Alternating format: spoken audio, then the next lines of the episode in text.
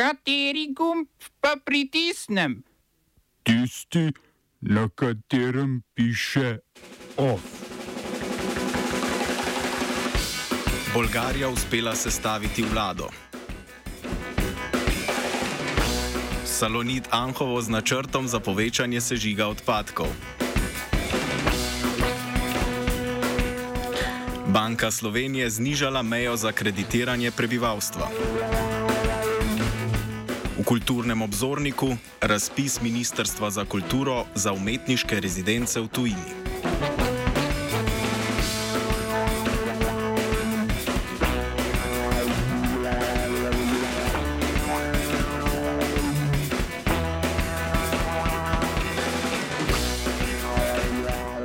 Bolgarski parlament je po dveh letih predčasnih volitev potrdil novo koalicijsko vlado. Vlado bosta izmenično vodili stranki Nadaljujmo s premembami in državljani za evropski razvoj Bolgarije, krajše GERB, ki je zmagala na aprilskih volitvah. Prvo polovico 18-mesečnega mandata vlade bo premijer Nikolaj Denkov iz stranke Nadaljujmo s premembami, ki je na zadnje vladala od lanskega avgusta. Drugih devet mesecev bo premijejka Marija Gabriel iz stranke GERB, ki še zmeraj predseduje dolgoletni premijer Bojko Borisov. Koalicijo dveh strank, ki sta bili zadnji dve leti na nasprotnih bregovih, je spodbudilo dejstvo, da bi Bolgarija brez zakonodajnih sprememb, ki jih je zahtevala Evropska komisija, ostala brez drugega paketa evropskih milijonov za okrevanje in odpornost po pandemiji COVID-a. Kompromis o novi vladni koaliciji, ki ima v parlamentu 132 od 240 sedežev, je sklenila Marija Gabriel. Z namenom vodenja bo bolgarske vlade je odstopila z položaja Evropske komisarke za inovacije.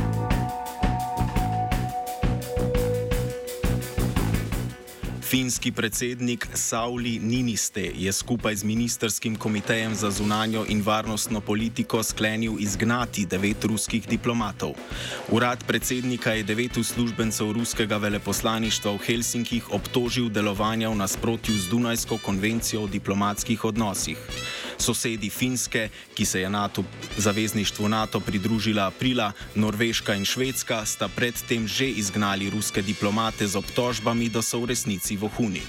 Rusija se je na izgon diplomatov z Finske še ni odzvala, v primeru Norveške in Švedske pa je zanikala obtožbe o vohunjenju. V odgovor je tudi Rusija izgnala norveške in švedske diplomate.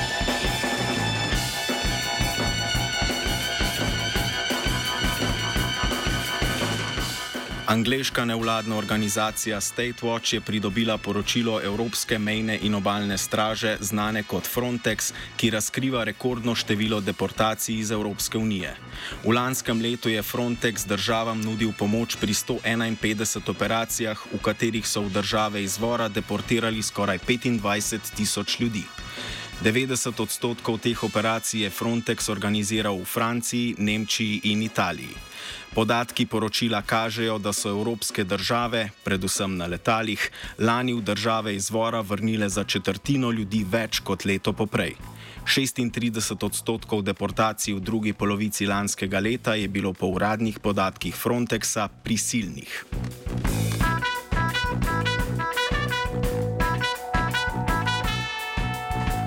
Vlada floridskega guvernerja Rona DeSantisa je potrdila, da stoji za dvema letoma zasebnih letal, ki sta 3000 prosilcev za azil z južne meje Združenih držav prepeljala v Kalifornijo.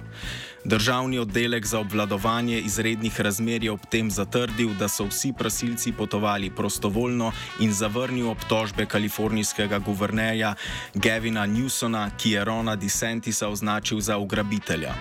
Kalifornijski državni tožilec Ron Bonta je v izjavi dejal, da preiskuje, ali je Florida kriva za zločina državno odobrene ugrabitve. Dve letali sta v Sacramento prispeli 2. in 5. junija, na njih pa so bili prosilci za azil večinoma iz Kolumbije in Venezuele. To ni prvič, da je DeSantisova administracija pripeljala migrante iz Teksasa v druge države. Združene države Amerike so uvedle sankcije proti več kot 12 posameznikom in entitetam v Iranu, na Kitajskem in Hongkongu. Ameriško finančno ministrstvo trdi, da kitajsko podjetje Zhejiang Qingji Iranu dobavlja centrifuge za bogatenje urana in drugo tehnologijo za iranski balistični program. Med sankcioniranimi je tudi iranski obrambni ataše v Pekingu Davud Damgani, ki po ameriških obtožbah usklajuje vojaška naročila za iranske uporabnike, med drugim za iransko obrambno ministrstvo. Pred uvedbo sankcij se je iranska tiskovna agencija IRNA bahala s poročilom, da je Iran proizvedel prvo lastno hipersonično balistično raketo. Kitajska in Iran sta marca 2021 sklenila dogovor o 25-letnem sodelovanju. Kitajska prav tako kupi največ iranske nafte. Združene države Amerike so stroge sankcije proti Iranu in proti vsem, ki poslujejo z Iranom, uvedle po enostranskem odstopu od iranskega jedrskega sporazuma pred petimi leti.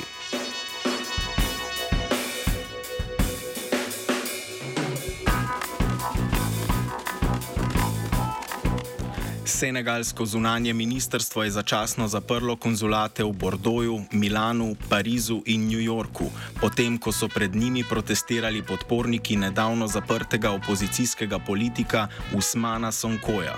Sodišče je vodjo stranke Patrioti Senegala prejšnji teden obsodilo na dveletno zaporno kazen zaradi kvarjenja mladine ali izkoriščanja položaja moči za spolne odnose z osebami mlajšimi od 21 let.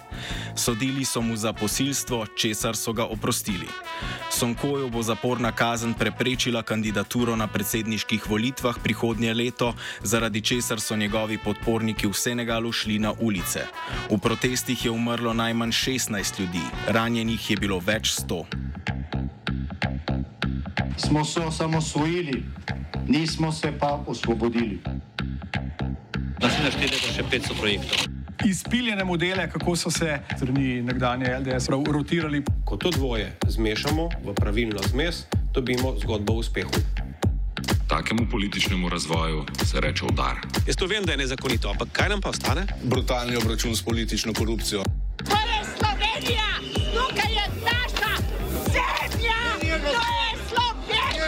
Slovenija!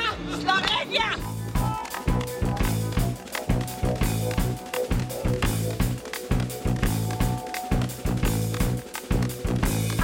Slovenijo so delegati držav v prvem krogu izvolili za nestalno članico Varnostnega sveta Združenih narodov med letoma 2024 in 2025. Za sedež v varnostnem svetu mora država dobiti dvotretinsko večino glasov navzočih članic v generalni skupščini. Od 191 navzočih članic jih je Slovenijo podprlo 153. V vzhodnoevropski skupini so se članice odločale med Slovenijo in Belorusijo, ki je prejela 38 glasov. Mandat v varnostnem svetu je Slovenija opravljala že med letoma 1998 in 1999. Odtlej smo vstopili v NATO in v Evropsko unijo, zato je jasno, v čigavem interesu je bila slovenska proti-beloruska kandidatura.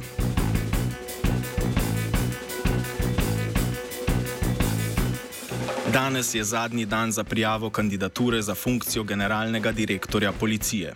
Po informacijah slovenske tiskovne agencije je zaenkrat edini kandidat trenutni vršilec dolžnosti generalnega direktorja Senad Jušič. Senad Jušič je februarja na mestu vršilca generalnega direktorja zamenjal Boštjana Lindava, potem ko je vodenje notranjega ministrstva prevzel Boštjan Poklukar. Banka Slovenije je sprejela sklepa za povečanje dostopnosti posojil prebivalcem v minimalnem in povprečnem plačnem razredu. Spodnjo mejo kreditne sposobnosti je banka s 76 odstotkov brute minimalne plače znižala na nivo minimalnih življenjskih stroškov, kar pomeni, da se bo kreditna meja z minimalnega prihodka 914 evrov zmanjšala na 745 evrov. Poleg tega bodo banke med mesečni prihodek štele tudi prejemke, kot je otroški dodatek. Sklepa bosta v veljavo stopila 1. julija.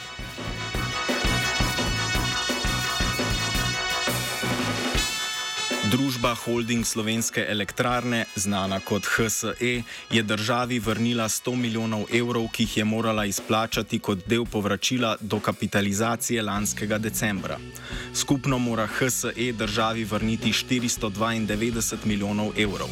Slovenski državni holding je HSE decembra lani odobril naknadno vplačilo kapitala zaradi izrednih likvidnostnih razmer. Sprva je holding predvidel, da bo HSE v prvem obroku državi vrnil 200 milijonov, a se je zaenkrat zadovoljil s polovičnim zneskom.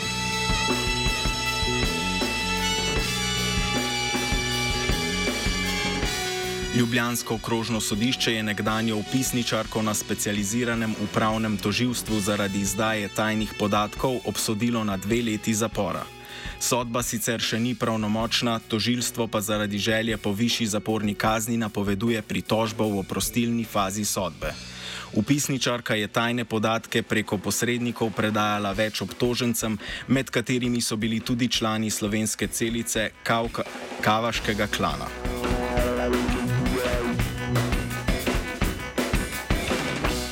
Vodstvo Salonita Anhovo je na izredni seji občinskega sveta občine Kanal ob Soči predstavilo načrte za povečan sežig odpadkov. Civilna inicijativa danes je na seji predstavila analizo emisij poročil Salonita. Občinska uprava bo poročilo inicijative preučila in po potrebi podala prijavo suma kršitve okoljevarstvenega dovoljenja.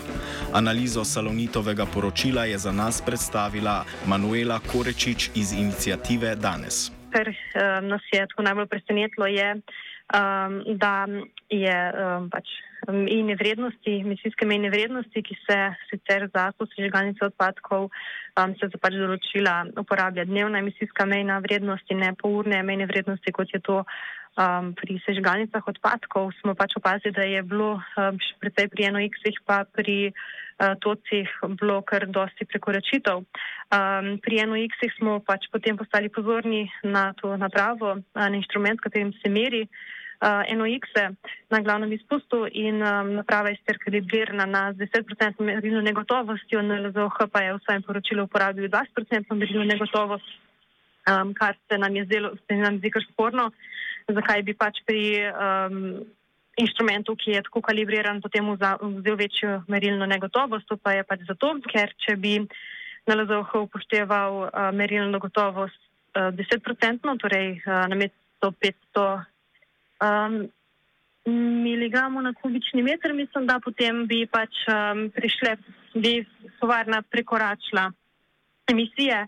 Če se pa vzame 20% merilne gotovosti, pa pač tovarna emisij ne um, presega. Potem v bistvu še uh, ena stvar, zadnja v bistvu najpomembnejša pa je ta, da so v tem dnevnem poročilu, ki jih je pač NLZOH pripravil, um, so neke res zelo uh, čudne podatke bili namerjeni.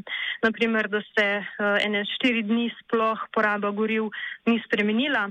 Um, istočasno pa so se ostali parametri torej, um, in izpusti um, pa so se pač spreminjali. Um, za pač štiri dni mi recimo sploh ne moramo preveriti, kako so se takrat, um, katera goriva so se takrat uporabljala, ker so v bistvu res podatki se samo copy-pastajo in LZOH pač tega ni uh, uspel najti in ugotoviti.